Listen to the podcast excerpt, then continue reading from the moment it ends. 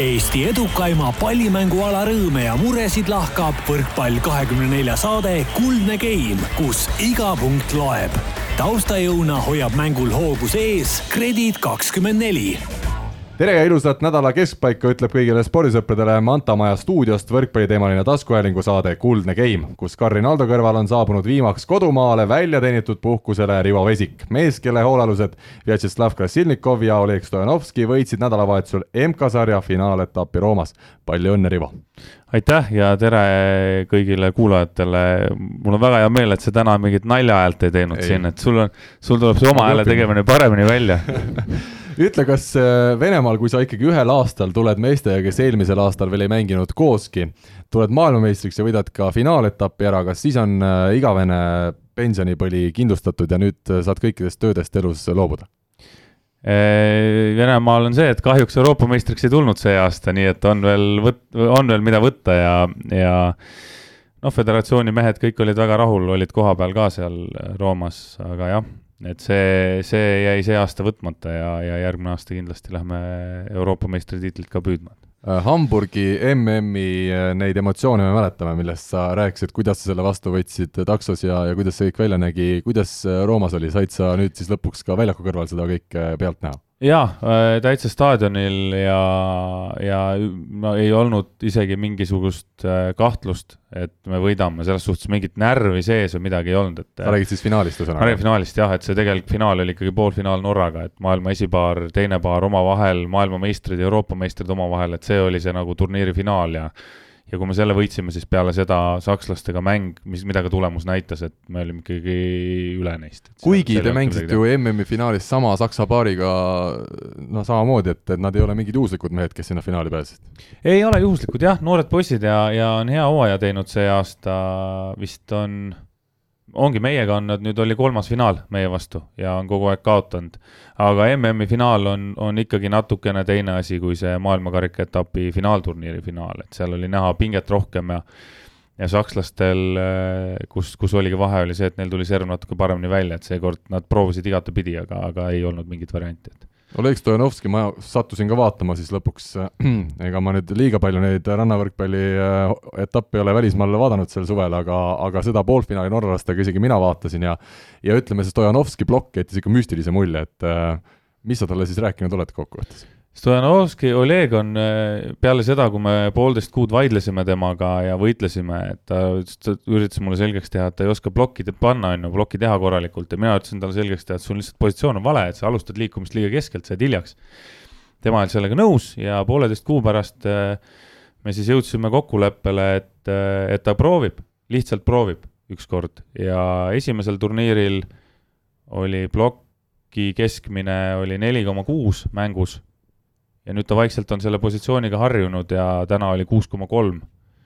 nii et äh, ütles ka mulle praegu peale seda turniiri, ütles, et, et vabandust, et ma sind ei uskunud, et äh, asi on tõesti juba kordades paremaks läinud, aga aga noh, eks mängijad tunnevad väljakul äh, teist, natuke teistmoodi ennast ja, ja, ja tahtis natuke harjumist lihtsalt ja mehele rääkimist, et ta tegelikult oskab plokki panna küll ja ja numbrid ja need mängud näitavad, et, et väga-väga hästi teeb seda kas äh, see, milline osavus nii pikal mehel, ta on vist kakssada seitse sentimeetrit, kui ma ei eksi, midagi niisugust, ähm, kas see näitab, et temast äh, võinuks saada ka väga kõrgel tasemel äh, saalivõrkpallur? seda ei oska öelda, see, seda ei oska kunagi öelda, et Venemaal seal saalis on niisugune kaks null viis, kaks null neli on nurgaründaja positsioon põhimõtteliselt, et neid pikkasid ja suuri on seal küll ja veel. tema füüsis, tema koordinatsioon, võimed, jah, võimalik, võim-, võimalik, et oleks saanud aga, aga seda niimoodi kommenteerida on väga raske, et, et samamoodi võib ju küsida, et kas Oliver Vennast oleks saanud väga hea rannavõrkpallur, me ei tea seda. ta on hea saalivõrkpallur, ta on kunagi rannas mänginud hästi, aga kas ta oleks maailmakarika etappidel läbi löönud, seda ei tea keegi. aga täna ei ole meie stuudios Rivoga õnneks kahekesi mitte, sest eh, minu ja Rivo kõrval on meie Hubase stuudios eh, Manta Majas võtnud istet ka kolmas mees, üks mitmest Eesti võrkpalli elavast leksikonist, Rakverest pärit Võrkpall24 portaali kolumnist ja muuhulgas ka tippvõrkpallur Martti Juhkami. tere, Martti, ja tore on sind lõpuks stuudios näha! tere ka minu poolt! No milline see kõige õigem siis nimetus on täna sinu puhul, ikka vist tippvõrkpallur ma eeldan? no ikka leksikon, ma arvan kas äh, on midagi sellist, mida sa ei tea võrkpallist? ei no eks, minu küsimus. eks tegelikult on neid asju päris palju, et äh, see võrkpallimaailm on nii suur ja lai, et ei jõua ennast kõigega kursis hoida. millal sinust selline suur võrkpalli jälgija sai, kas see on täiesti väga varajasest noorusest, sa mäletad, et sa olid, käisid saalis ja jälgisid mänge või on see tulnud hiljem? pigem mitte, et äh, ma arvan, et see suurem nii-öelda võrkpalli huvi tekkis võib-olla alles siis, kui ma koondisega liitusin, et äh, alates sellisest kahe tuhande üheteistkümnendast aastast, et et siis hakkasin äh, niimoodi rohkem mängima niimoodi välismaa nii-öelda staaride vastu, hakkasin rohkem neid teadma ja hakkasin rohkem nende vastu huvi tundma, et enne seda ma pigem ei olnudki üldse võrkpalli jälgija nii et see on tulnud seitsme-kaheksa aastaga, see pigem see suur, ütleme siis äh, huvi võrkpalli, tippvõrkpalli vastu jah, et ma arvan, et pigem iga aastaga on see suurenenud, et eh, esimesed aastad oli niimoodi järk-järgult niimoodi hoidsin ennast kursis, aga nüüd on nagu, on huvi vähe suurem. no meil on koondises Teppan, Täht, eh, Rikberg, eh, Alar Rikberg siis, kes on ka väga suured võrkpallihuvilised, kas pärast trenni istute neljakesi maha ja arutate kõik maailma võrkpalli maailmas toimuva üle või kui, kuidas see käib teil? Eks ta käib niimoodi jooksvalt, et kui just samal ajal mingeid eh, suuri sündmusi tekib, et eks neid saab arutada, aga aga päris nii ka ei ole, et eh, et pärast igat trenni istume maha, venitame ja räägime võrkpallist, et päris, päris nii entusiastlik võib-olla ei ole. aga kas äh, fantasy voleyballi mingisuguseid võistlusi ei ole koondise siseselt, et paned seal kokku, ma ei tea, kas EM-il tuleb nüüd?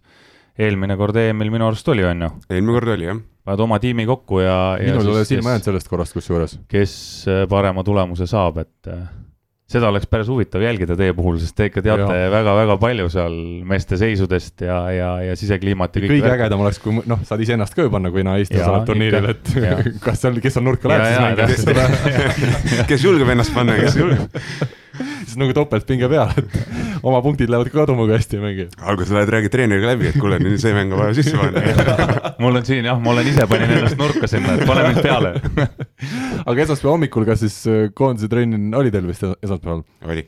kas seal räägiti siis naiste võrkpalli EM-i finaalist või äh, Rivost äh, ja tema hoolealustest? Äh, tegelikult ei räägitud kummastki, äh, oli suhteliselt rahulik sissejuhatus nädal. no kuna me lindistame seda saadet teisipäeva õhtupoolikul, äh, siis teil on just äsja selja taha jäänud viimane siis äh, treening enne Hollandisse lendu. ole hea, räägi, millise iseloomuga see viimane treening siin teisipäeval oli? no ütleme, eile ja täna siis ega need trennid nii-öelda väga mingi suure mahuga ei olnud, et et pigem selline hoiti sellist head tunnet ja eks ma arvan, et oleme valmis no Itaalias on räägitud, noh, mujal ka ilmselt, aga Itaalias on väga just omane see Itaalia võrkpallile või klubidele, et seal nii-öelda põhikoosseis on ühel pool väljakut ja teised mehed siis teisel pool väljakut. kuidas teil koondises on, kas seal on sellist vahetamist rohkem või nüüd enne suurturniiri on ikkagi ka mingid mehed on pigem ühel pool ja koos või? meil on ikkagi rotatsiooni päris palju, et äh, kõik mehed käivad igal pool ja selles suhtes ei ole nagu mingit kindlat sellist äh, algkoosseisu nii-öelda ühel pool nii et seda ei ole, et kui trenni satuks ja kohe vaataks ära, et ahah, me nüüd teame, kes meil on seal nurgas ja tempos siis EM-il alustamas. jaa, pigem, pigem on ikka suur segadus. ja teie endi seas, endi seas ka, jah? jah, ja ma arvan, et äh, need, kes võib-olla teavad, et mida need treenerid täpselt nagu mõtlevad, et äh, ma arvan, et ega seda vist väga keegi veel ei tea. aga kas, äh, kas Gretu on, on nagu läinud või läheb selle peale ka, et ta vaatabki noh, Poola vastu üks koosseis, kes sinna paremini sobib ja selle vastu Ukraina, kes seal on veel teine koosseis, on ju. et oled sa kuulnud, tead sa, et kas on selliseid mõtteid treenerile, et, et nüüd vahetadagi põhimõtteliselt iga mäng, et näe, vaadata, et kes kuhu sobib parajasti? no selles suhtes, et äh, pole nagu otseselt jutuks tulnud, aga ma arvan millegipärast, et sellel korral natukene rohkem minnakse jah, seda teed, et et võib-olla vaadatakse rohkem vastase järgi, et võib-olla on teatud kindlad mehed, kes on kindlasti paigas, noh, nagu Toobal kindlasti. jah, seda kindlasti, jah. aga selles suhtes, et ma arvan, et võib-olla ongi, et erinevus eelmiste nii-öelda suurturniiridega ongi see, et et kui eelmisel korral oli ikkagi ainult kolm mängu Just. ja sai panna nii-öelda ühe sama koosseisuga, siis nüüd on võib-olla vaja natukene rohkem hoida mängides seda värskust täna jah, ma just vaatasin seda, täna vaatasin seda siis turniiri ajakava ja see on ikka päris tihe, et sul on viis mängu, kolm järjest, üks vaba päev ja aga kaks ei ole järjest. kõige hullem selles suhtes just, et meil on kolm mängu ära ja siis tuleb see puhkepaus, et oleks, ütleme, neli mängu järjest, siis oleks võib-olla veel hullem, aga ütleme, kolme järel on niisugune veel enam-vähem, kuigi ma usun ka sama, et me hakkame nagu ilmselt ikkagi vahetama ühtpidi sellepärast, et kes on vastane ja teiseks sellepärast, et äh, andagi puhkust ja natukene värskust meestele. jah, et peale seda kolmandat mängu muidugi on äh, ühest linnast teise sõit, et väike niimoodi reis ka, aga õnneks vist kahe linna vahel on suht suhteliselt väike distants. kuuldavasti Holland ei ole väga suur riik, ma olen ka aru saanud jah, kuigi rahvast on päris palju. peal on väike jah. rahvast on kolm korda rohkem kui Eestis. Martti, äh, räägi, kuidas sinul see koondise suve teine pool nüüd välja on näinud, kuivõrd äge ja lahe on olla tagasi koondises eks ta ikka on selles suhtes, et eks ta alguses oli selline natukene ettevaatlikumalt võib-olla, et eh, kuna see ikkagi meeskond on suhteliselt kaua koos olnud ja mina olen nagu sellest eemal olnud, et eh, võib-olla see sisseelamine nii-öelda kõikidega nii-öelda sina sõbraks saamine jälle võtab natukene aega. Gianni võttis su hästi vastu? no sellest, kui, kui ma nüüd aus olen, siis esimesed paar-kolm nädalat oli, hoidis natukene eemale, mulle tundus, et aga nüüd tundub, et olen jälle nagu oma no milline treener ta siis tänasel päeval on, sina ju mängisid ka tegelikult temal siis, kui ta koondisse tuli siin neli-viis aastat tagasi, et kas ta on muutunud treenerina või on, ütleme ikkagi kõik sisuliselt samaks saanud, jäänud? eks ta niisugused äh, nipet-näpet ikkagi mingid asjad on muutunud, et võib-olla kui ta tuli, et siis ta oli niisugusem rohkem niimoodi oma sellises äh, asjades nagu kinni, et äh, hoidis nagu kindlat joont, et nüüd ta natukene rohkem nii-öelda muudab oma asju, et vastavalt sellele, kuidas need treeningud jooksevad nii et jah, just sellest sõltuvalt, et mis parasjagu väljakul ka toimub, et ta vaatab rohkem, rohkem seda nii-öelda konkreetset momenti. eks ta usaldab võib-olla mängijaid ka natukene rohkem, et siis kui ta tuli, et seal olidki paljud mängijad olid noored ja võib-olla ta arvas, et ta peab rohkem nii-öelda neid joone peal hoidma, et et nüüd, nüüd on nagu selge, et on juba aastaid mängijatega koos olnud ja nendega üles kasvanud, et nüüd on see vastastikune usaldus võib-olla suurem. no sina oled mänginud äh, ju tippklubides erinevates ja tippliigades, äh, kui sa võrdled täna Eesti koondise taset nende, ütleme kas või Turkuaaga, kus sa möödunud hooajal mängisid, on seal vahe sees, kas Eesti on täna natukene parem ma julgen öelda, et pigem vist ma ei hakka küsima, kas ta halvem on kui Turkuaaga, et, et näed seda tasemevahet ka seal natukene sees või on, või on tase umbes sarnane? Ma ütleks, et äh, koondis on sellepärast nagu tasemelt äh, parem, et on selliseid võrdsel tasemel mängijaid on võib-olla rohkem, et et kui klubi tasandil võib-olla on see nii-öelda tuumik on väiksem, et on niisugune seitse-kaheksa meest, kes, kelle, kes nagu seda põhiraskust kannab, et koondises on võib-olla neid mängijaid ongi üksteist, kaksteist, kes ongi valmis nagu igal hetkel aitama see on äge jah, minu arust jätkuvalt äh, see, et, et kui väikeriikidel muidu on probleem, et keda sa väljakule paned, et võib-olla on paar head meest, siis tänasel päeval meil on vastupidine probleem, et meil on tempos ja ja nurkades eelkõige on lihtsalt maailmatasemel mehi on rohkem, kui väljakule mahub, aga see on vist ainult hea probleem. jaa, aga see on, äh, Eesti koondis ju alustas põhimõtteliselt sama probleemiga kunagi, et äh, et oli neli meest, kes mängisid või viis meest, kes mängisid, kui üks välja langes, siis järgmine oli juba tasemelt nõrgem, aga aga ajaga on kasvanud noored peale ja, ja ongi tase läinud äh, võrdseks, nii et minu, mina arvan, et täna on Eesti koondis oma kõige paremas seisus üldse läbi aegade. noh, miinus Oliver on ju, kes äh, kindlasti võiks aidata, aga aga teda seekord ei ole, et seda nagu siin, teda nagu taga nutma ka ei pea, et aga, aga Eesti koondis on väga heas seisus praegu oma mängijatega kuidas sina ise vaatad selle nurgaründajate positsioonile otsa, et kas te tõesti olete väga erinevad mängijad kõik, ütleme, noh, Rauno Tamme on ju viies veel juures, aga ütleme ausalt, et neli meest, kes siin on viimasel ajal pigem põhikoosseisus mänginud, sina, Robert, Kristo ja, ja Andrus, et olete te väga erinevad, sa näed seda ise ka treeningute põhjal? jaa, et eks igal mängijal on omad niimoodi tugevused ja omad nagu nõrkused, et eks see ongi, miks on võimalik neid erinevate vastaste vastu ära kasutada, et et Tamme on küll pigem välja jäänud nendest mängudest, sellepärast et tal olid väiksed kõhulihase vist väiksed probleemid, et et ilmselt oleks teda natukene rohkem kasutatud. Aga kuidas sa ennast näed, öeldakse, et sina oled selline puht, puhas ründav nurgaründaja, kas sa ise oled selle väitega nõus, et sul see vastuvõtt ei ole nii tugev pool või sa vaidleksid vastu?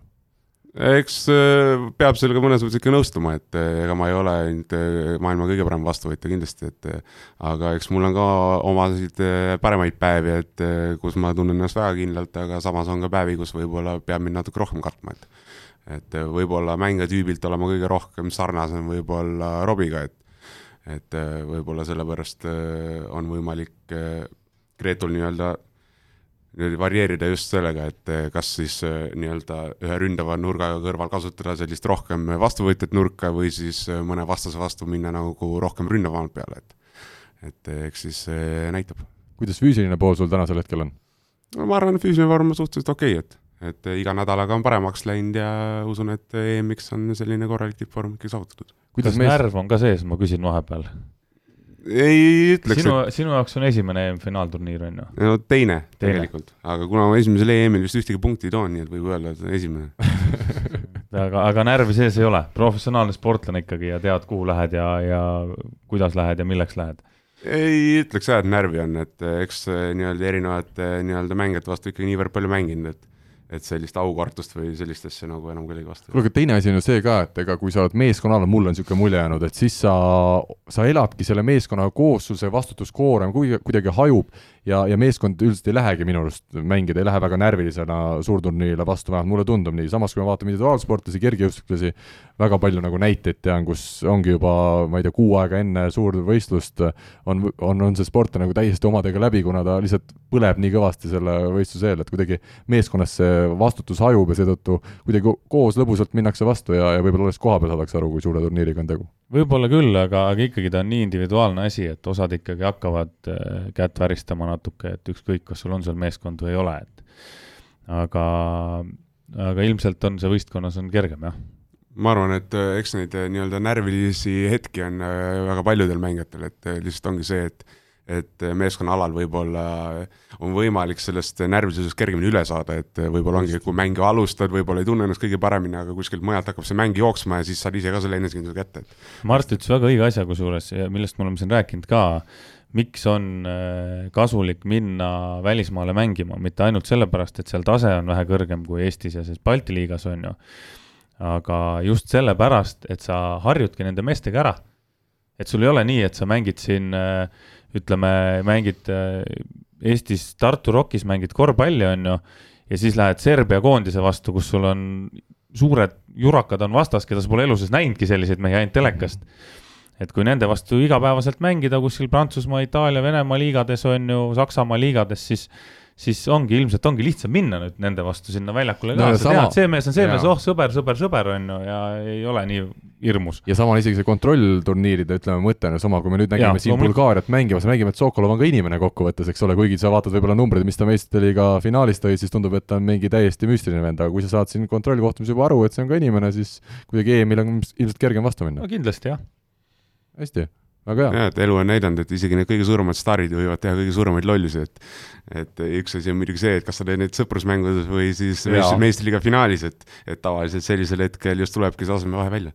kui me rääkisime siin närvilisusest, äh, siis ütle, Martti, sina, mul tuleb siin kohe meelde see Soomega kontrollkohtumised, istud äh, pea kaks game'i ehk siis tund aega seal varumeeste nurgas või seisad, ükskõik kuidas siis endale mõnusam on, ja tuled väljakule ja lööd ässa, okei okay,, see serv ei olnud võib-olla kõige tugevam seal soomlaste vastu, aga noh, ta ikkagi oli äss ja siin ei ole midagi öelda.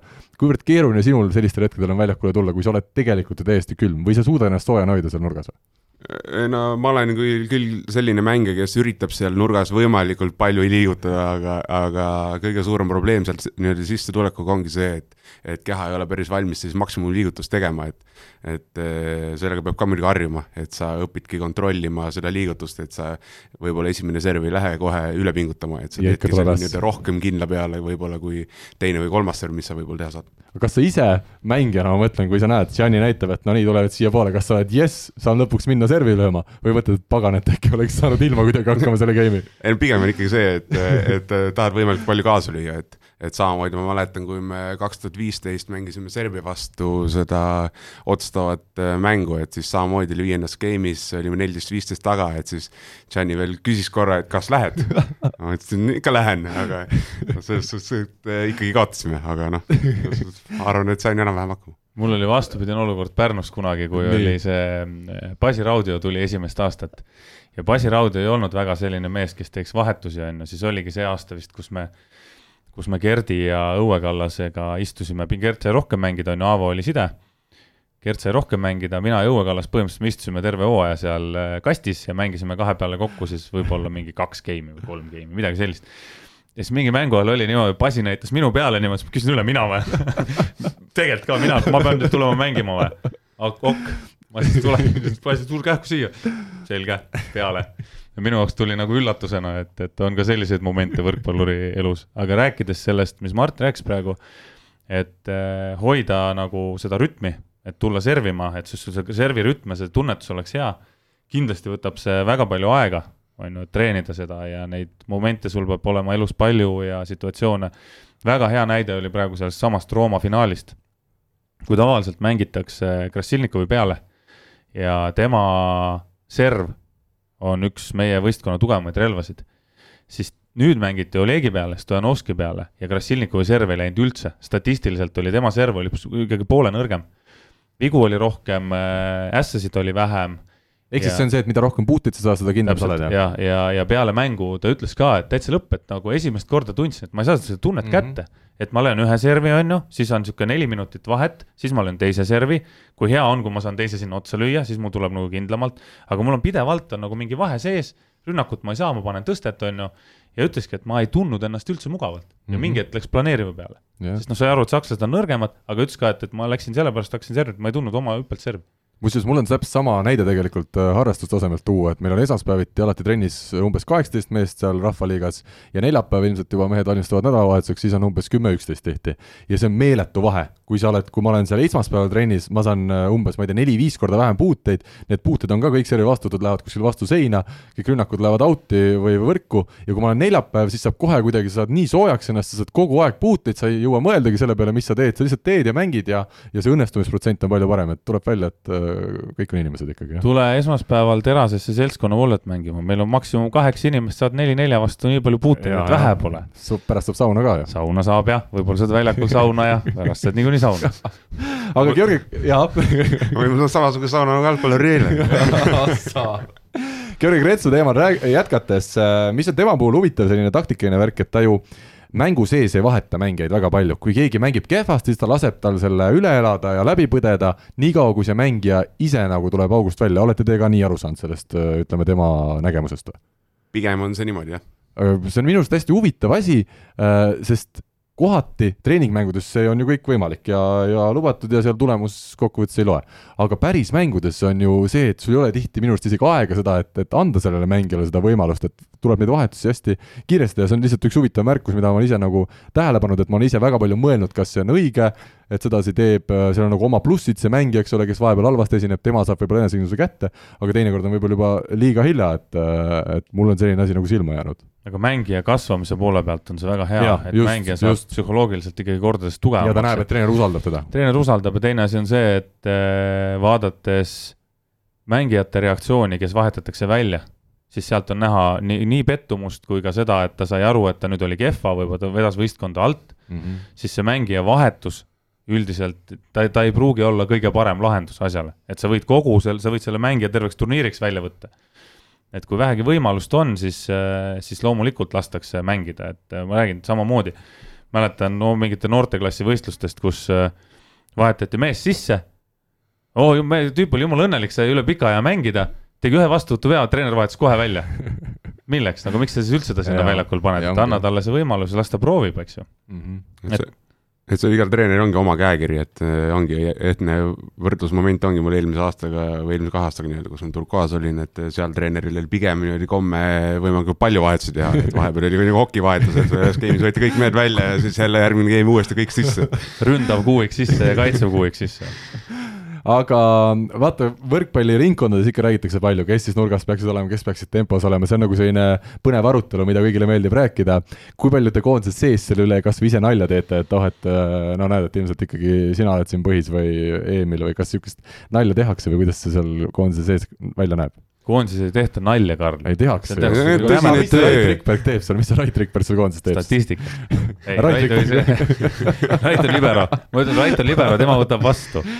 selge. ei, sellist ei ole tähele pannud, et väga niisugust mingit tögamist või niisugust asja oleks olnud, et äh, kõik teevadki oma asja nii, nagu nad oskavad ja et võib-olla ongi sellepärast, et kuna on natukene selline teistmoodi EM ja kõik teavad, et äh, igal hetkel võibki neid vaja minna, et keegi ei olegi võtnud ennast sellise kindla mingi rollimängijana. või ei muretse selle pärast, eks ole, palju ta väljakule et saab. konkurentsi nagu ise, iseenesest äh, tunda ei ole, et kõik ajavad ühte asja ja kõik teavad, et ei mängi ju enda jaoks, vaid mängivad ikkagi Eesti koondise ja, ja Eesti, Eesti maa jaoks. eks selline konkurents selles suhtes ikkagi on, et äh, eks äh, ja iga nurgaründaja tahab olla teisest nurgaründajast ikka natukene parem, et äh, see on ju spordi ainus võimalus, et see ongi see, et mis meid iga trenn edasi nii-öelda piitsutab ja eks ma arvan, see tuleb meeskonna kasuks. mõtle, kui oleks nii, Mart lööb palli meelega võrku, ütleb, kuule, et Andrus, et sa oled nii tore mees, et sa eelmisel lõid punktiks, et ma tahtsin, et sul oleks praegu nagu niisugune parem moment sees kui mul, et see on liiga, liiga sulle. viisakas ei saa ka olla. jah, kuigi võrkpallurid räägitakse, et on viisakad. ja ütled saar-, servi kogu aeg kaarega üle, et jumala eest, siis tuleks hea enesekindel vastu. aga tuleme vaikselt nende viimaste kontrollmängude juurde, Eesti siis äh, Tallinnas Saku Suurhallis pidas möödunud nädalal äh, turniiri. Valgevenet võitsime kolm-üks ja Bulgaariale kaotasime üks-kolm. Marti, kuidas sulle nüüd jätsid need turniirid mulje, kas kõik on paigas, kõik on korras ja meeskond on EM-iks enam-vähem äh, valmis?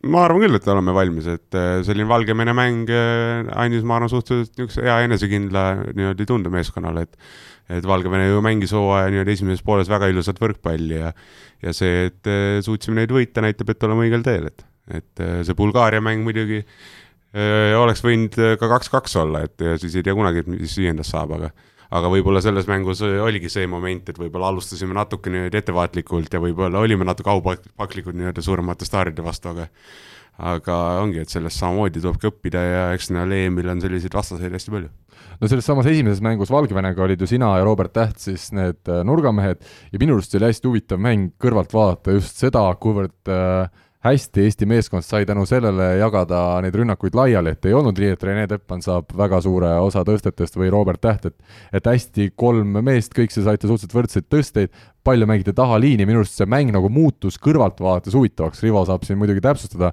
kas see ka kõik nii ilus tegelikult on, nagu mulle kõrvalt vaadates tundus ma nägin seda mängu tegelikult hästi vähe, et me, me just lõppes trenn, ma nägin vist seda viimast game'i, kus oli siis niinimetatud see sõprusgame kus olid teised mängijad peal, nii et ma ei äh, ma ei, ma ei, ma ei, tõesti ei oska kommenteerida, et äh, Marti võiks siinkohal öelda pigem asju, mis, mis, mis ma arvan, Marti jäi rahule. kah, muidu ma siin jahun niisama midagi. Ma, ma nii palju kõrvalt seda mängu ei näinud, aga aga selles suhtes ma arvan, et äh, noh, sellises koosluses võib-olla annab niimoodi Gerdi tugevusi ka natukene rohkem ära kasutada, et ta on nii-öelda väga hea äh, just kuue pealt rünnaku kasutaja ja nii-öelda seal kolme-nelja meetri pealt meeldib ka kasutada tempot, et et eh, sellisel juhul ongi tal võimalik neid nagu selliseid trumpe ära kasutada, et eh, võib-olla, võib-olla talle sobib selline süsteem nagu mõnes mõttes ka. ja teine küsimus on siis see, et kui meil tuleb ikkagi vastu tugevam meeskond, kellel on võimsam serv, kui ütleme, Valgevenega võrrelda just, et siis on, kõik algab vastuvõtust ja, ja eks seal saab jälle teisi rotatsioone kasutada ja, ja teisi mehi, aga siis jälle see rünnak võib-olla ei ole päris äh, nii ütleme, mitmekülgne või võimas, nagu ta selles ühes mängus seal Valgevene vastu oli. selles suhtes, et äh, ei saaks öelda nüüd, et äh, teised nurgaründajad oleks kuskil rünnakul nagu kehvemad, et et äh, samamoodi on äh, näidanud ka teised äh, ennast väga heast küljest just, et seal Soome vastu, et kus raskeid palle lahendati väga nii-öelda meisterlikult ja niimoodi just selliseid osavaid lahendusi, et sellisest plokist ladvast out'i ja nii edasi, et et sellist asja saab kasutada ükskõik kelle vastu. no Rivo, sa näed ikka viisakus on jäänud sisse ikkagi võrkpalluritele. ei no jaa, ei selles, ega ei saa ju öelda ju niimoodi, et, et nüüd on Martti Juhkami on kehv vastuvõtja ja Kristo Kollo on kehva ründaja, et seda ja. me ei saa öelda, et kehva vastuvõtjat ja kehva ründajat Eesti koondis ei oleks täna mm. -hmm. see, see on üks, mis kindel.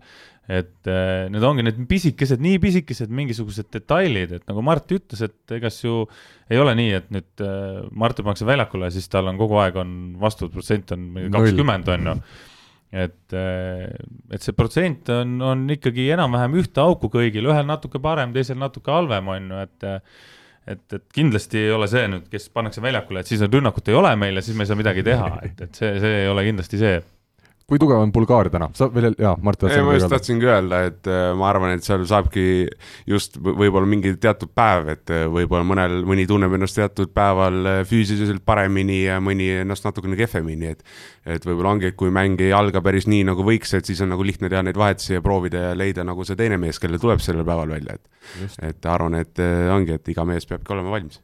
Meil võiks ka saates nii olla, et kui Rivo ikkagi sul on näha, et äh, alguses noh, seekord jutt ei jookse, et siis tuleb kuskilt keegi teine varumees, ma täna kusjuures kuulasin Mart Mardisalu laulu Varumees kodus mille, millegipärast no,. Ma, ei tea, miks, aga millegipärast nii oli. no see nüüd ütlebki nii mõndagi sinu kohta, et mis asja sa kodus teed, eks ole. aga sa ei saaks siis üldse saates olla, sul oleks kogu, kogu aeg oleks vahetuskastis, nagu mina Pärnu ajal olin, kaheksa aastat nurgas aga seda varumehe lugu peab ikka ise otsima, et seda vist enam niisama ei kuule kuskilt. ei tule jah, ma ei tea, kus ta, Youtube mängis midagi, kus ta mul selle sisse viskas, ma ise hakkasin ka naerma, et aga mina küsin, kuidas see Bulgaaria meeskond sulle kõrvalt tundus, Martti, sa jälle jagad seda maailma tippvõrkpalli rohkem, kas nüüd nende puhul on näha, et nad on ka EM-il sellised kullapretendendid või, või sa neid päris kullapretendendiks ei peaks?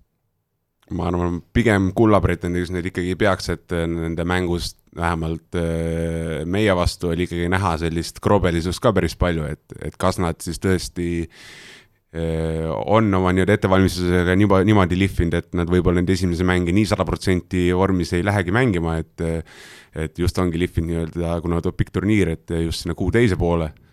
Aga millegipärast mul ikka sisetunne ütleb, et nad pigem noh, no igal juhul ikkagi top kaheksa satsis nad ikkagi on, aga aga kas nad päris nii-öelda medalitele mängivad, seda ei oska nagu päris täpselt öelda. Valgevene-Soome, kumb sulle parema mulje jättis? Valgevene, ma arvan. selge, väga hea. mina arvan, et ka Bulgaaria, et Bulgaaria samamoodi, veerandfinaali ta jõuab ja seal oleneb, kellega nad mängivad mm. -hmm. ja seda Bulgaaria mängu ma ka natuke nägin ja mul, mulle tundus, et mehed on veel füüsise peal et nad on arvestanud sellega, et nad alagrupist edasi saavad ja nad saavad endale lubada seda, et nad panevad veel jõudu, et olekski nagu Mart ütles, et see turniiri teine pool on see, kus siis läheks nagu ülesse. aga Eestil on vist nii tugev alagrupp, noh, me jõuame siin saate teises osas veel sellest rääkida, aga et ega meil mingit varu ei ole siin septembri lõpuks jätta, et pigem me peame olema ikkagi esimesest päevast juba Poola vastu heal tasemel. pigem jah, et me peame ikkagi igat mängu võtma nagu viimast ja igas mängus võitlema iga punkti eest. selliste sõnadega on hea saate esimese osale joon alla tõmmata ja minna järgmise juurde küsimusmängu toetaja on teamshield.com oma disainiga spordi ja vaba aja riided. Nonii, eelmisel nädalal küsisime siis seda, et kes oli nii Rivo Vesiku kui ka Asko Esna esimene võrkpallitreener. ilmselt Martti teab seda vastust. tegelikult ei tea. aga Rivo, kas sina tead? aa, vabandust. nii Noor, Noormägi, Noormets. Noormägi, Noormägi, Johannes Noormägi. Johannes Noormägi. kuigi nii, ahah. ma pean ütlema, et siin oleme lasknud sisse väikese faktilise vea. nii, sa oled ise selle sisse lasknud, ma enda peale ei võta ise, ise lasin sisse ja ise täitsa lasin sisse, et tegelikult. Oleg. ei, üsna lühikest aega. ma päris täpselt, ma päris väike, kui ma läksin sinna trenni ja oli Raul Reiter. ahaa. kuu või äh, paar oli Raul Reiter, minu esimene treener ja äh, ma, ma ei mäleta tõesti, kui pikalt, aga siis läks Raul Soome mängima. aga ütleme nii, et esimene selline täitsa püsiv, püsiv pikk treener oli jah, Johannes Noormägi väga hea, nüüd sa võiks veel midagi rääkida, sest ma samal ajal otsin siis selle emaili üles, kus mulle üks äh, küsija vastas Raul Reiter, et äh, ma lisan tema ka siia nii-öelda austusest. lisa jah, ja lisa kuigi Asko Esnat ta treeninud vist esimesena ei olnud. jah, ja see oli puhtalt minu viga, nii et kõik, kes vastasid Raul Reiter, on väga nii. targad inimesed. nüüd on ka see viimane nimi meile lisatud siia Marti, sinul laseme täna öelda ühest kolmeteistkümneni ühe ilusa numbri. number kuus. number kuus ikka ja Martin Kukk, palju õnne. ja nüüd on siis selline lugu, et Martin Kukk on võitnud endale võrkpalli kahekümne nelja eridisainiga särgi teamshield.com Jaanus Nõmsalu ka eesotsas selle särgi meile teeb ja valmistab ja temale siis Martinil on minemas see esimene särk, Rivo, sina ka kindlasti tahad selle särgi, särgi selga, selga saada? jaa, ma tahaks küll saada, ma tahaks no. Nõmsalu pildiga särki saada, kus on ees on Janni, Janni nägu ja selja peal on suurelt kirjutatud Nõmsalu. Assar raks, see on nüüd uus eritellimus, mis me talle saadame siis pärast väga, see oleks väga hea kingitus igale inimesele, jõulud on tulemas, mõelge selle peale kindlasti, võtke Jaanusega ühendust ja mõelge kindlasti, teil lähedased oleks väga õnnelikud selle särgiga väga, väga ilusti öeldud, äh, uue nädala küsimus õnneks ei puuduta ei Jaanust ega Rivo. küsime hoopis, äh, Martti Juhkemäe on tulnud Eesti meistriks kahel korral, korra Tallinna Selveri ja korra Tartu Pereleiva ridades ja ühes temaga on meistritiitli võitnud kokku neli rakverelast. Äh, ehk siis samadel aastatel kui Marti võitsid ka neli Rakverelast ja kõigi nende vahel, kes teavad vähemalt kahte, läheb loosi siis järgmisel nädalal võidusärk panen äh, boonuse ka siia otsa, Teras Beachi mänguaeg äh, Teras Beachi poolt, kes arvab ära kõik neli nii et ootame. siis nende vahel, kes arvavad ära kõik neli, loosime välja ühe mänguaja Teras Beachis. nii et kaks auhinda, võimas, võimas on see värk ja info, et võrkpalli24.ee või Võrkpalli24 Facebooki sõnumitesse saab jätkuvalt saata nii õigeid vastuseid kui ka võtame väga hea meelega vastu neid valesid vastuseid, mis meile ka ikka vahel tulevad. ja ma ütlen ühe vihje ka, nagu ma ikka siin vihjeid annan, kõik need neli on ülikõvad mehed ülikõvad mehed, see on vihje, see on kõva vihje. nüüd läks lihtsamaks, aga meie tõmbame siis sellele saateosale jälle jooned alla ja läheme järgmise juurde. aeg on välja selgitada nädala tegija. nädala tegija, Robert Täht sõprusmängudes näidatu põhjal kakskümmend kaks häält on äh, võrkpalligrupis Facebookis saanud ja sellega siis kolmanda koha pälvinud. teine koht, äh, Rivo, sinu lemmikud, Oleg Stojanovski ja Vjatšeslav Krasilnikov, nad ise andsid ka panuse sellesse. jaa muidugi, hääletasin enda poolt nagu enamus poliitikuid. kakskümmend kaheksa häält, aga auväärt teine koht väga hea, aitäh palun. ja esimene koht ülekaalukalt sada kuus häält, Kusti Nõlvak, Mart Tiisar, meie samuti rannavõrkpallurid. nagu sa näed, Rivo, et kui ikkagi veri on paksem kui vesi, et kahekümne nelja hulka pääsemine on kõvem saavutus kui esikoht. jah, Mardi ja Kusti jaoks äh, oli, oli tõesti väga hea turniir, said, oli näha, et said mingisugusest kohast üle, mis neid on kammitsenud siin see aasta, et äh, suurel turniiril, põhiturniirile ja üks võit ka ja, ja mängisid ka šveitslaste vastu väga hästi, võib-olla mitte esimese game'i, aga teise, kolmanda game'i lõpu ka, et mingid augud tulid sisse, aga tegid korraliku turniiri ja, ja noh, tõesti näitasid ikkagi kõrget maailmatasemest võrkpalli kas nad nüüd on veel paremad kui siin hooaja alguses, kui me rääkisime, kui nad esimest korda siis seal Araabia Ühendemiraatides kuskil hästi mängisid? Dohas. noh, peaaegu. jah, see on üks, üks koht kõik. et äh, jaa, jaa, jaa, nad on sammu edasi teinud, ma ütlen, nad on enesekindlust leidnud rohkem äh, mänguliselt, läinud natuke kindlamaks, kõvasti on parandada veel, väga kõvasti, et me nüüd mingi aeg, ma tahaks Mardi ja Kustiga äh, maha istuda ja, ja natukene rääkida läbi, et mida mina nägin ja, ja mida nemad nägid ja mida nemad tundsid, et. ja nad teevad ikka ilma treenerita põhimõtteliselt või? no Argo Arak ja Indrek Verro aitavad, aga no, võistlustel, võistlustel neid ei ole jah, et äh, aga, aga ikkagi jah, nad on teinud suure sammu edasi, väga suure sammu ja see viimane turniir andis väga palju enesekindlust ja poolakate vastu mäng, maailma neljas paar, keda nad võitsid see oli see mäng, mida nad suudavad mängida ja nad mängisid väga kindlat, väga stabiilset rannavõrkpalli lihtsalt täna nad ei ole veel valmis seda, nad ei suuda seda iga päev teha, sest nad natukene tahab veel aega. aga jah, just siin äh, mingi päev viskas Facebook ette kolme aasta taguse video, kus mingi kassivideo jälle või? ei olnud, olnud, jumal tänatud. ei olnud kassivideo kus äh, Mart ja Kusti mängisid Jurmalas turniiri, ma ei tea, kas esimene või mis teine või mingi turniir seal oli, kvalifikatsiooni saatsin Mardile edasi selle video, Mart äh, võttis maha selle Youtube'ist? ei, ei, Mart kirjutas mulle vastu, et oh sa jumal, millised kaikad et jube tore on vaadata seda arengut, et, et kolme aastaga on, on suur samm edasi tehtud. no vot siis aga nemad, nende jaoks, ma saan aru, hooaeg veel läbi ei ole saanud, et nad siin plaanisid vähemalt äh, mingit ühte-kahte turniiri veel mängida sügisel, ma saan aru? jah, Hiina vist äh, oktoobri lõpus ja, ja Mehhiko novembri seal alguses, et aga, aga nad ei ole päris kindlad, kas nad mängivad või ei mängi. aga sinu jaoks nüüd on siis hakanud selline väike, väike puhkus? jah, esimesel oktoobril tagasi Venemaale, et me läheme ühe võistkonnaga mängima Mehhiko etappi, siis tuleb kaks väikest treeninglaagrit ja, ja siis üks turniir, et minul sellist pikemat puhkust see aasta ei tulegi, et aga Stojanovski ja Krasilnikov, kaua nemad, nemad nüüd saavad pleisitada äh, Moskva sügises? Nendega on nüüd nii, et äh, Olegiga eile just rääkisime, koos lendasime tagasi, siis äh, temal on kümme päeva puhkust, siis hakkab tal äh, rehabilitatsioon, põlved, seljad, õlad, no tal ei ole väga suurt midagi viga, aga lihtsalt see tuleb läbi teha, et niisugune kuuajane Äh, väikeste raskustega ja palju venitusi ja asju nädala, noh päevas korra, tunnike ja poolteist. Teil on eraldi treener, kes siis temaga tegeleb? jah, jah. Mhm. ujumised, asjad, värgid hakkab vaikselt liigutama, oktoobri alguses äh, tulevad kerged jõutrennid peale juba ja esimene november lähme, või lähevad nemad siis Tenerifele laagrisse.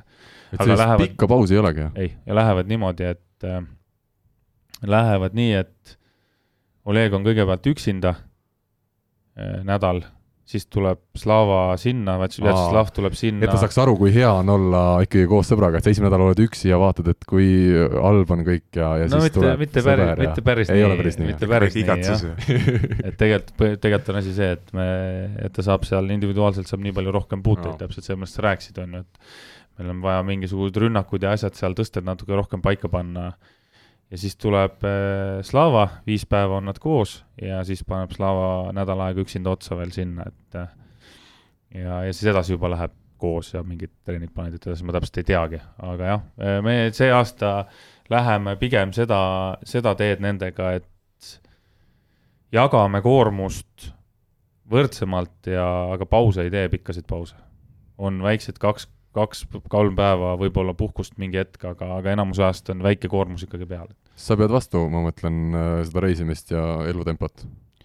Äh, jah, praegu on okei okay, jah, minul ei ole hullu midagi. no raadiosaate kuulajad muidugi eel, eel, eelistaksid, et sa need laagrid teeksid kõik siin Tallinnas, et siis äh, vahel see lääg, mis meil on siin, sina, kui sa oled kuskil Mehhikos ja umbes pool tundi hiljem kuuled, mis ma sult küsisin, et, et seda siis ei oleks, aga, aga läheme edasi ilmselt nii, nagu praegu on, jah ma arvan küll jah, kui mind just välja, välja ei hääletata ei, see on välistatud, ma arvan. nii, kuhu me siis jõudsime, esimese kohani jah, Kusti Nõlvak ja Mart Tiisoo, nendest sai juba räägitud ka mõni hea sõna ja ma arvan, et äh, vaatame siis juba edasi järgmise rubriigi, rubriigi poole. mängija profiil, üks inimene, erinevad vaatenurgad. uus rubriik äh,, Rivo, mängija profiil. on sul juba tuttavaks saanud selline? jaa, eelmine nädal oli. Oli, sa tead, kellest me seekord räägime? Äh, Paku. ei tea, Marti Juhkamist. ai, ei, ei, ei, ei, ei, ei, ei, liiga palju ka ühest mehest ei saa ühes saates rääkida. Äh, ma pakun, kas ma tohin, ma pakun veel? EM-iga seoses. on EM-iga seoses, siis sellisel juhul ma pakun, Gert Toobal oleks liiga, ma pakun Andrei Aganits. ei ole Eesti mees, veel. ei ole veel Eesti mees. aga ta ei ole ka selle koondise mees, mida ta esindab muidugi. Aa, Leontjev. jah, põhimõtteliselt. jah. Wilfredo Leon. Leonist, jah kuidas see Wilfredo vene keeles oleks?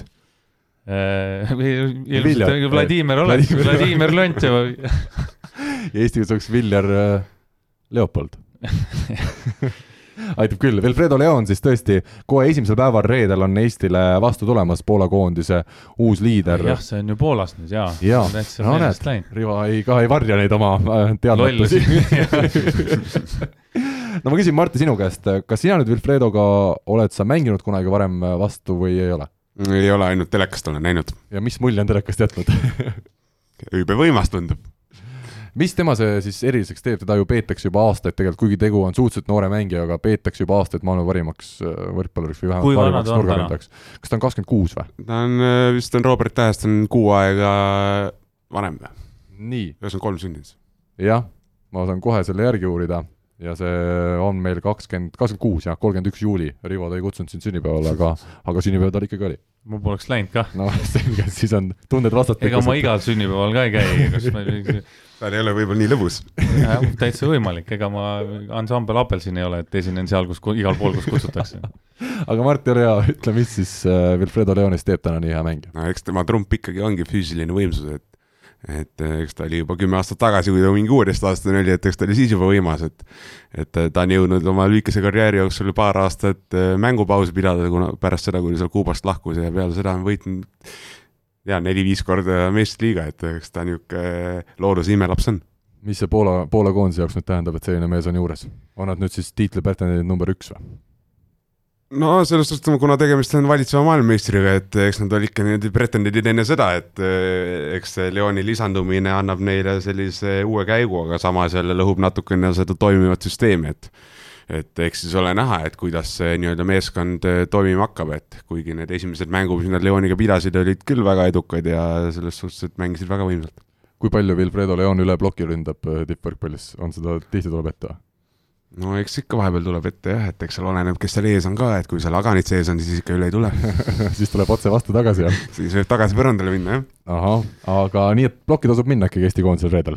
nojah, kuuekesti ei ole mõtet sinna kaitses seisma jääda, et kuigi On. kaotab väljaku hästi ära. on ka seda proovitud on jah? on ka seda proovitud, kunagi juunioride koondisega Pärnus mängisime Šotimaa vastu suur Ja- võrkpalliliiga Šotimaa. ja mäleta, kas see oli Mihkel Roosmäe või oli, oli isegi, võib-olla isegi Gert oli see, kes ütles järsku, et noh, ei, ei olnud seal mängu ega midagi, et me olime kolm-null neid kindlalt võitmas ja ja siis mingid viimased punktid, siis keegi ütles, davai, lähme kõik kaitsesse.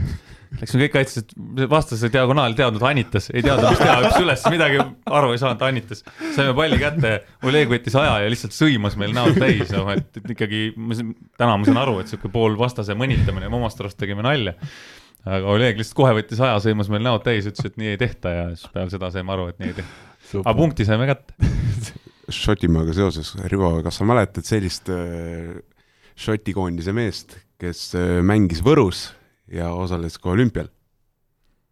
Äh, ma, ma, ma, ma mäletan, ma ei tea, mis ta nime on, oli, nimi oli, aga ta oli kindlasti vasakukäelne, on ju seda ma ei mäleta. Esimese tempo mees, sest ma mäletan seda, et kui me selle noorte, Šotimaa noortekoondise vastu mängisime, siis minu arust seal oli kuuest mehest väljakul, viis olid vasakukäelsed või neli. Esimese tempo ründaja, maailma kõige imelikum on mängida vasakukäelse esimese Jah, tempo ründaja vastu.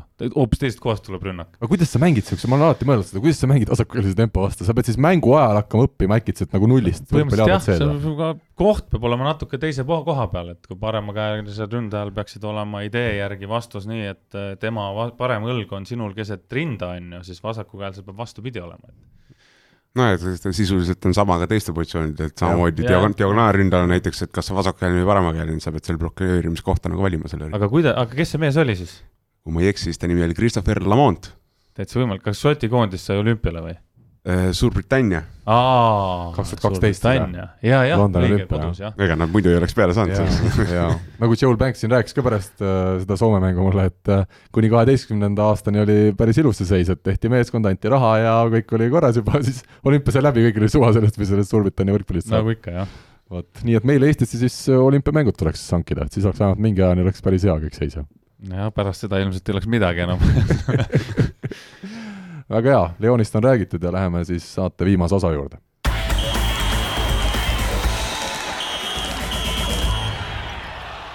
Euroopa meistrivõistluste finaalturniir, Eesti koondis viiendat korda suurturniiril osaleb äh, ja meie vastased siis, olgu kohe alustuseks öeldud, äh, Poola, Holland, Tšehhi, Ukraina ja Montenegro, sellised äh, viis meeskonda, mängime siis nendega läbi kuue päeva jooksul viis korda ja esimene päev kohe reede õhtul seesama valitsev maailmameister Poola eesotsas Wilfredo Leoniga. Marti, sina jälle oled natuke rohkem kursis, kas Leon peaks olema selles koondises nüüd selline põhiründaja või jagatakse seal kuulsate meeste vahel seda palli sõbralikumalt? no siiamaani on ikkagi mänginud niimoodi, et Leon ja Kubiak on siis olnud need põhijõud, aga eks need äh, nii-öelda kaks või kolm teist äh, Nurrunil, ma ei ole täpselt kursis, kas seal on neid rohkem või ei ole. et äh, eks nad on valmis samamoodi mängima ja mängima väga kõrgel tasemel. Ja eelmise MM-i kangelane Bartosz Kurek siis peaks olema vigastusega väljas ja EM-il üldse ei mängi? jah, et mingi jutt oli, et ta võtab osa siis peale EM-i sellest World Cupist, aga see on õige mees, EM-il ei tule, aga siis lähed sinna World Cupi mängima? see vist on peatreeneri niisugused äh, juhtnöörid nii-öelda, et, et äh, kuigi ma ei ole täpselt kursis, kas, kuidas ta sellest vigastusest taastunud on, et tead, vahele ma küsingi hea meelega, kuna ma ei ole ilmselt ainus, keda see huvitab, et tõesti mingid koondised, ka naistekoondistel oli seal pärast, ma tean, Holland pärast EM-i lõppu kohe läheb äh, kuskile Aasiasse ja mängib meeletu arvu mänge oma koondisega, sa oled rohkem kursis, mis, millega täpselt tegu on? Äh, tegemist on iga aasta, ei ole vist iga aasta, päris täpselt ei teagi, et on äh, selline maailmakarikas nii-öelda, Jaapanis toimub, kõik mängivad kõigiga läbi, et selline väga karm turniir on, et kommertsturniir siis sada protsenti, jah? äh, mingil hetkel minu arust jagati seal ka ikka olümpiapiletit, aga minu arust tänasel päeval väga muud eesmärki seal ei ole, kui on mingid rahalised auhinnad, et, et nüüd kas FIVB just ütles, et et raha ei lähe mitte alaliitudele, vaid otse mängijatele, et meelitada neid äh, suuri staare osalema, et miljon vist on see esikoht seal, vähemalt vanasti Ahah. oli, miljon eurot nii et ikka raha? Noh, samas ütles Venemaa Võrkpalliföderatsioon, et, et ega sellega ei kata ju koondises nagu midagi ära põhimõtteliselt, et et kui selleks ettevalmistust teha selleks World Cupiks on ju, siis äh, kulud on väga suured. aga kas nad lähevad sinna siis kõik oma nende koondist, koondistega, kes mängivad ka EM-il või seal osad lähevad ikkagi koduklubide juurde juba? no eks äh, iga koondis ise teab, et ma arvan millegipärast, et päris ikkagi niisugust koormust ikkagi mängijatele ei panda, et võib-olla seal varieeritakse selle koosseisuga natuke rohkem. Eesti koondis ei lähe sinna? veel ei kutsuta, jah. aga seal on siis kutsetega puhtalt, seal ei ole, ei sõltu sellest, mis sa EM-il saavutad? ei, seal vist on ikka ranking'u järgi. rankingu järgi jah, maailma rankingu järgi. jumal tänatud, siis võib öelda lõpuks ometi, et meil on hea, et me ei ole seal rankingus nüüd veel päris tipus, et niisugune jama jääb no aga tulemata. sealt jääb suur raha teenimata ju. No aga Marti, Jah, sa olid mill- nii, kuule, mill jääb teenimata, Karl? otse mängijatele. jah, aga Marti mängib järgmisel aastal Saksa teises klubis, sa mõtled, Rivo, kuule, kogu Saksa majandus läheb sinna, ma arvan, nende Friedrichshafeni mängijate toetuseks. ei lähe kõik jah., Angela on rikas naine. ah soo, selge.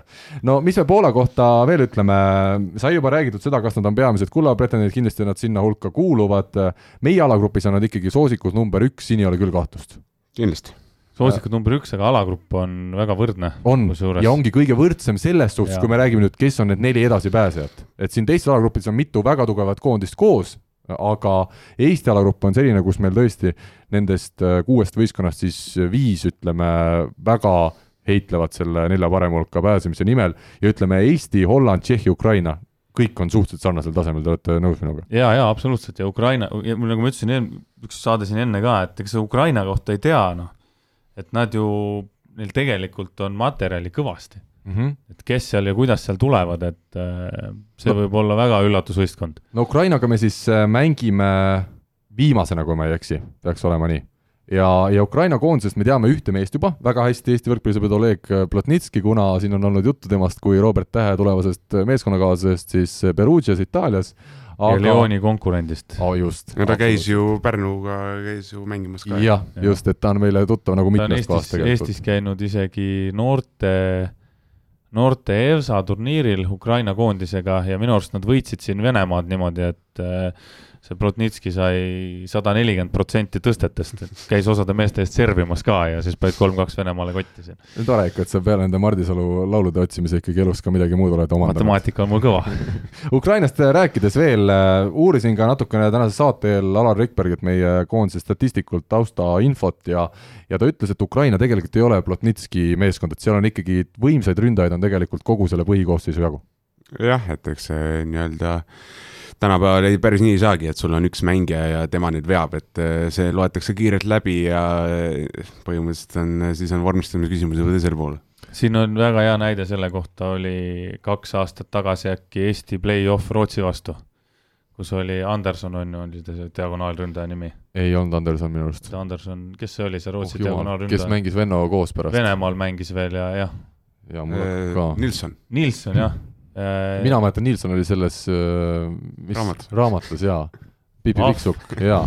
Pipi Ahv oli, aga see ei olnud see, see mees, see ei olnud see mees. selge, nii. aga oligi, et see Nilsson oli, äh, noh, ta oligi Rootsi koondises ja. üks mängija ja Eestis, esimene mäng, kui nad Eestis mängisid, ta esimese game'i tegi hullumeelse game'i, nad vist võitsid isegi esimese game'i rootslased. ja peale seda läks ta, ta lihtsalt ei jaksa, üks ja. mees lihtsalt ei jaksa tänapäeva võrkpallis, et ehitad sinna kaks plokki ette ja, ja ongi kõik on nii või, Martti, kui sa ikkagi, kui sind kaetakse meeletult kõvasti, saad meeletult palju tõsta, et sa ei jõua tervet mängu ära mängida täiega, ükskõik kui hea mees sa oled? eks seal ongi see, et eh, vaata, kui on punkt-punki mäng ja siis mingil hetkel lihtsalt saadakse näpud vahele, tuuakse kaitses üks-kaks palli üles, isegi kui su rünnaku protsent on üheksakümmend, aga sealt paar ikkagi otsustaval hetkel üles tuuakse ja ära lüüakse, et siis meeskond ikka kaotab no Ukraina osas on lahtisi küsimusi, äh, nad mängisid siin Poola klubidega siis kaks sõpruskohtumist hiljuti, Katowicele kõrgele klubile kaotasid kaks-kolm ja kolm-üks, võitsid seal ühte esiliiga meeskonda, aga nädal varem võitsid siis turniiri Belgia, Makedoonia ja Bulgaaria ees. Ja noh, see turniiri võit ilmselt andis märku, et ikkagi jah, Ukraina on tugev meeskond, olgugi et siis veel ükski meeskond päris äh, sada protsenti tulemuse peale kindlasti ei mänginud Ukraina on selline, kes võib üllatada, veel kord ütlen, et, et mängumehi on seal kõvasti. jaa, et äh, siis, kui see loos tuli nii-öelda, siis äh, mul oli meeskonnakaaslasel kaks, kaks meest sealt Ukraina koondist ja siis sai ka just arvutatud, et et Ukrainas on see nii-öelda mängijate valik päris suur, et neil on ka koondisest väljas nii päris palju mängijaid, aga aga ühel või teisel põhjusel nad koondist ei esinda, aga et selge see, et nemad on ikkagi mõtetega ikkagi alagrupist edasipääsemise nii-öelda no kui me oleme nüüd äh, meie esimese ja viimase alagrupi vastase Poola ja Ukraina läbi võtnud, siis laupäeval, teisel mängupäeval kohtume me siis selle Montenegroga. Ja Montenegro nüüd on kahtlemata selline võistkond, kellest äh, teame meie kõige vähem, teavad ka koondised kõige vähem.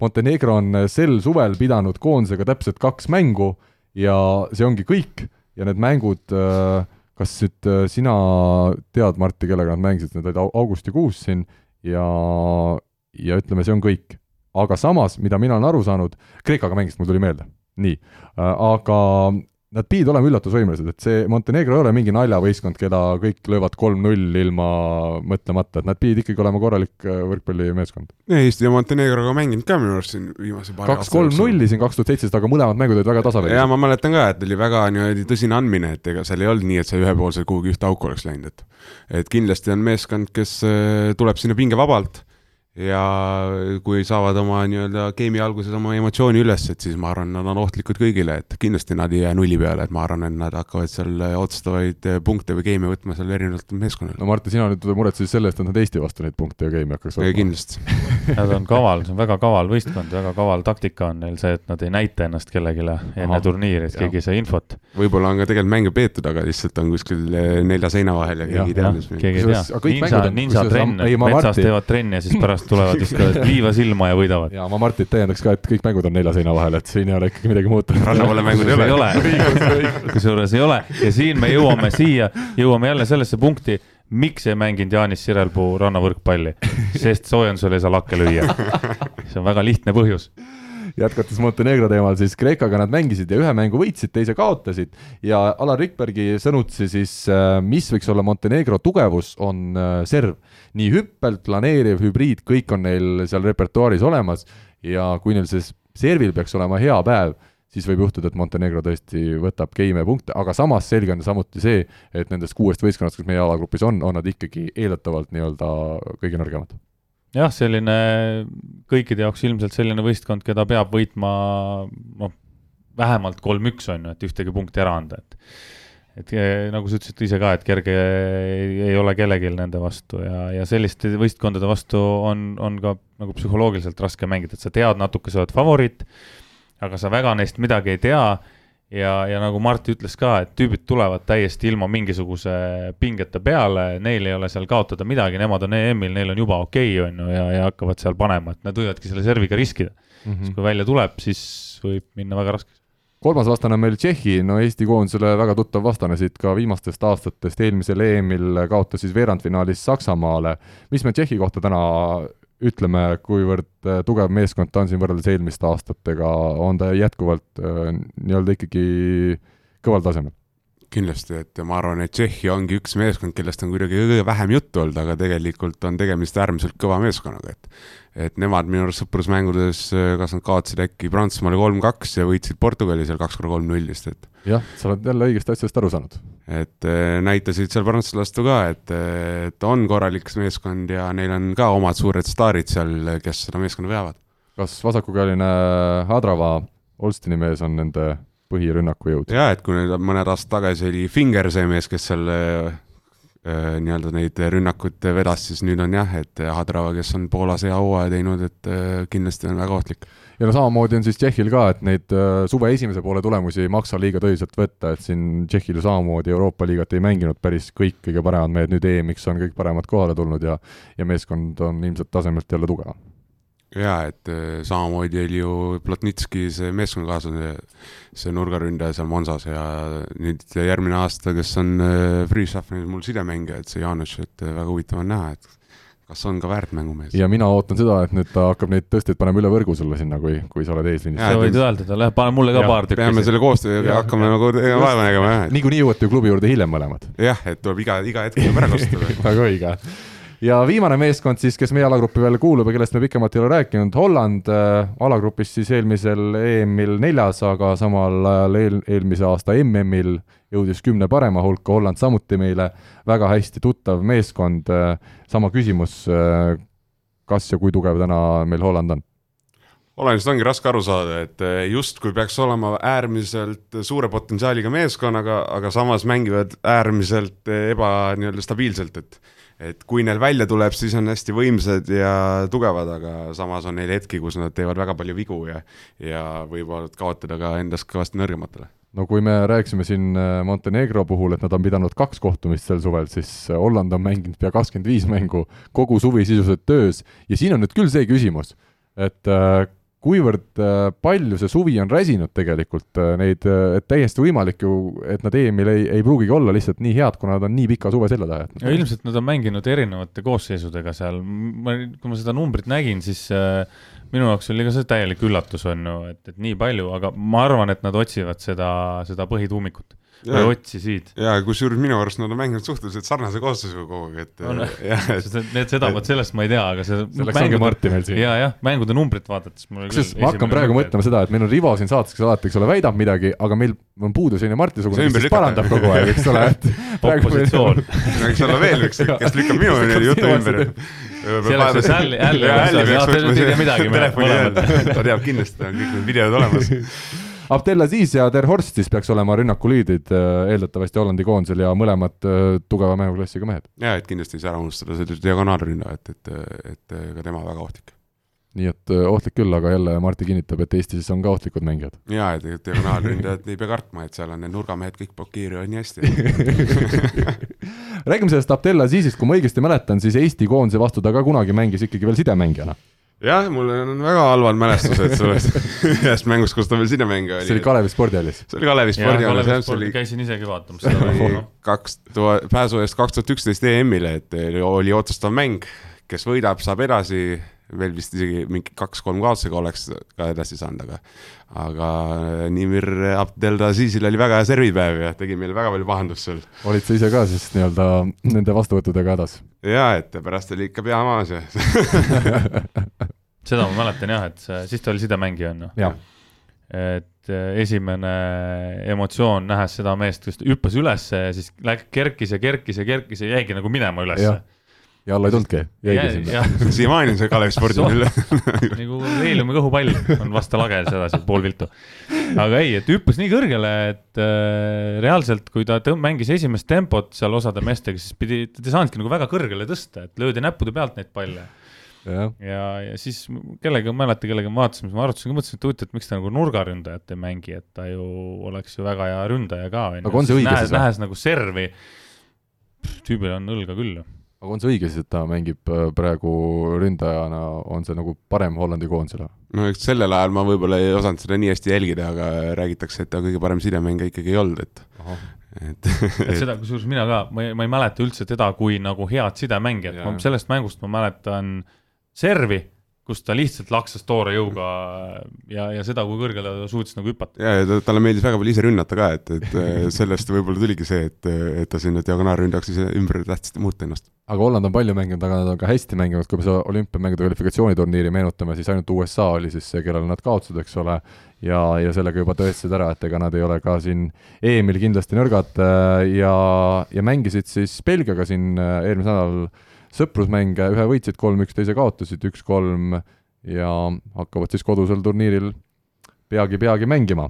aga kui me nüüd äh, lõpuks veel vaatame Eesti koondisele otsa, siis äh, Martti, ole hea veel, räägi, mis täna Eesti koondise tugevused võrreldes just nende nii-öelda lähikonkurentidega, keda me siin esile tõime, võiksid olla, mida meie teeme tänasel päeval hästi? ma arvan, et meie tugevus peakski olema selline stabiilsus, mänguplaani täpne täitmine korrektsus, et, et ei ole sellist nii-öelda individuaalse- ind...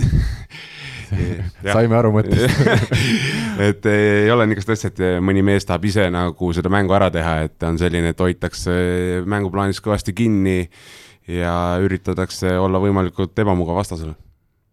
Nonii, Rivo, on sul veel midagi ka lisada, mida sina Emililt ootad? kohale sa ei lähe, ma saan aru?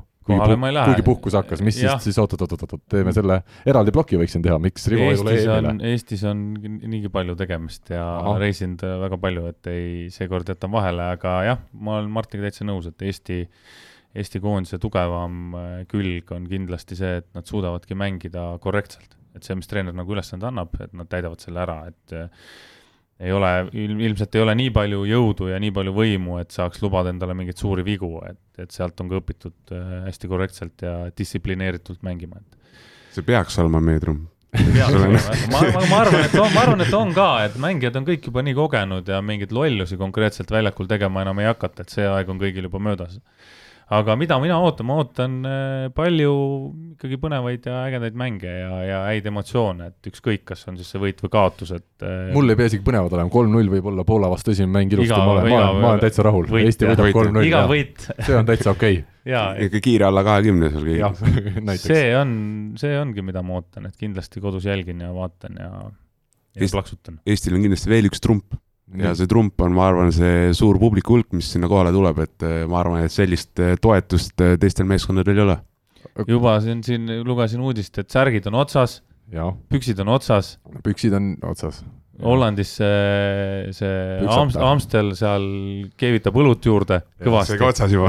juba, juba on otsas, esimene laar on juba otsas ja ei, see tuleb äge, see, ma arvan, et seal kohapeal olevatel inimestel on see nii äge emotsioon, et, et siin ei olegi midagi öelda, natuke on kahju, et ise ei saa minna, aga aga kodus peab ka olema, et. väga õige, sa oled asjadest aru saanud, ei ole see võrkpall ainuke asi ikkagi maailmas? ei ole jah, ei ole trillalla-trullalla kogu aeg. ikka korvpalli MM, kor-, aa, ma mõtlesin, sa pead korvpalli MM-i vaatama, aga okei okay.. korvpalli MM-i tahaks vaadata küll, aga Hiinast, sealt keegi ei kanna üle ja nii ei kanna, Viasat on selline tore kanal. ma ei ole nii rikas, et ma saan lubada endale igasugust no, satelliidikanali ja sahisevad Pro7-tki näeb, see on ka ju okei okay. väga hea ei tasu Venemaale tööle minna. ei tasu. ei tasu. nii, aga mina veel ütleks lõpetuseks nii palju kõigile võrkpallisõpradele, et kui Eesti peaks alagrupist edasi saama, siis on seal väga huvitav see, kellega, kus keegi mängima hakkab, sest teatavasti siis igast alagrupist, kõik alagrupid on kuuesed, pääsevad neli paremad siis edasi otse kaheksandikfinaali. Ja kui oletame näiteks, et Poola, kes on meie alagrupi suur favoriit, võidab alagrupi ja Holland pääseb edasi, siis ükskõik, kas Holland lõpetab seal alagrupi teise, kolmanda või neljandana, nemad igal juhul mängivad oma kaheksandikfinaali kodus, mis on loogiline, ja lisaks siis see alagrupi võitja ehk suure tõenäosusega Poola mängiks Hollandis, ehk siis kui Eesti koondis saab nelja parema hulka, on täna suur tõenäosus, et me mängime oma kaheksandikfinaali mängu Belgias.